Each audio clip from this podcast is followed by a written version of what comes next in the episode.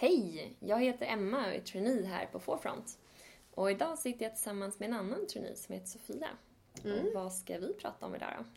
Idag ska vi prata om det case som vi på Generation 3 genomförde under hösten 2014.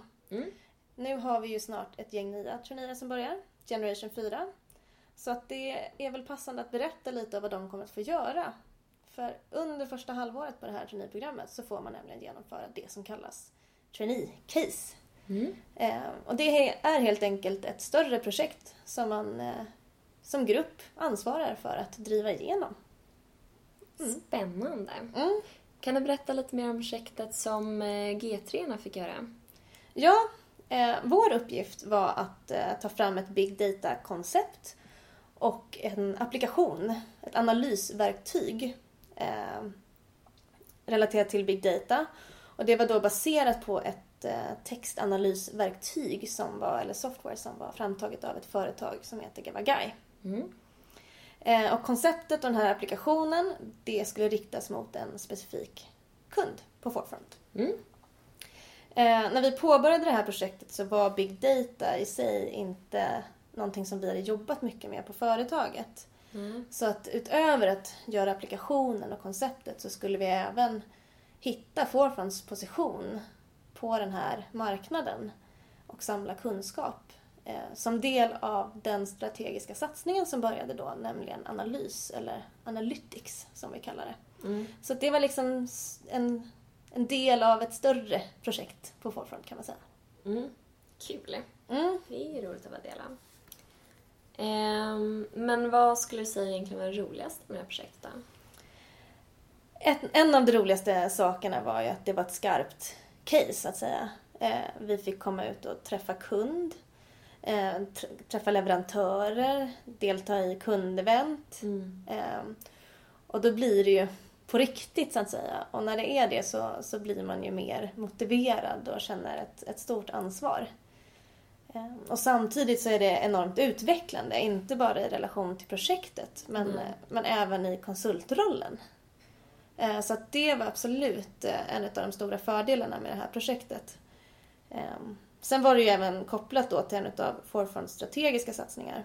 Mm. Och det, det gjorde ju att det var ett extra stort intresse och engagemang även från andra medarbetare på Forefront. Ehm, och det, det hjälpte också till att driva projektet och känna att det här faktiskt är viktigt för Forefront. Mm. Det är inte någonting vi gör bara för att. Mm. Eh, och det tror jag är, är ganska kul som trainee. Och sen sist men inte minst så bidrog det ju alltså väldigt mycket till vår, att utveckla vår grupp Generation 3. Då. Ehm, det, var, det omfattade både liksom arbete där det krävdes kompetens inom IT och teknik men även mer från verksamhetssidan så vi var tvungna att dela kunskap och lära av varandra. Ehm, och samtidigt så under projektet så, så fick ju vi traineer andra uppdrag som vi jobbade med parallellt. Så det krävdes ju verkligen att man, man samarbetade och, och styrde det hela så att det faktiskt drevs vidare. Så att vi har som grupp verkligen blivit mycket starkare av det här Mm. projektet. Ja, jag håller med dig allt du sagt. Ehm, vad skulle du säga var den största utmaningen med det här? Det, det var ju just att det var så pass nytt och ganska förutsättningslöst. Eh, och på ett sätt så är ju det bra. Man blir lite kastad ut i, i ett hav och så får man se om man kan simma. Ehm, och eftersom området var så nytt så fanns det ju liksom ingen på bolaget riktigt som kunde hjälpa oss. Självklart fick vi stöd i genomförandet. Men när det kom till content som vad kan man göra med tekniken? Vilka analyser kan man göra? Varför ska vi göra dem? Vad passar kunden? Hur ska vi bygga applikationen?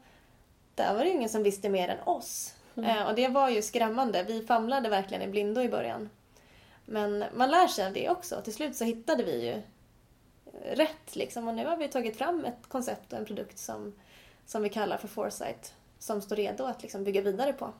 Så det känns ju jättekul. Mm. Superskoj. Men eh, vad kan de här nya G4 förvänta sig då? Ja du, jag, jag vet faktiskt inte. Jag har försökt nysta lite. eh, om vad det nya projektet ska handla om. Men de är extremt eh, hemlighetsfulla där i, i programledningen. Men eh, de satte ribban högt med, med vårt projekt.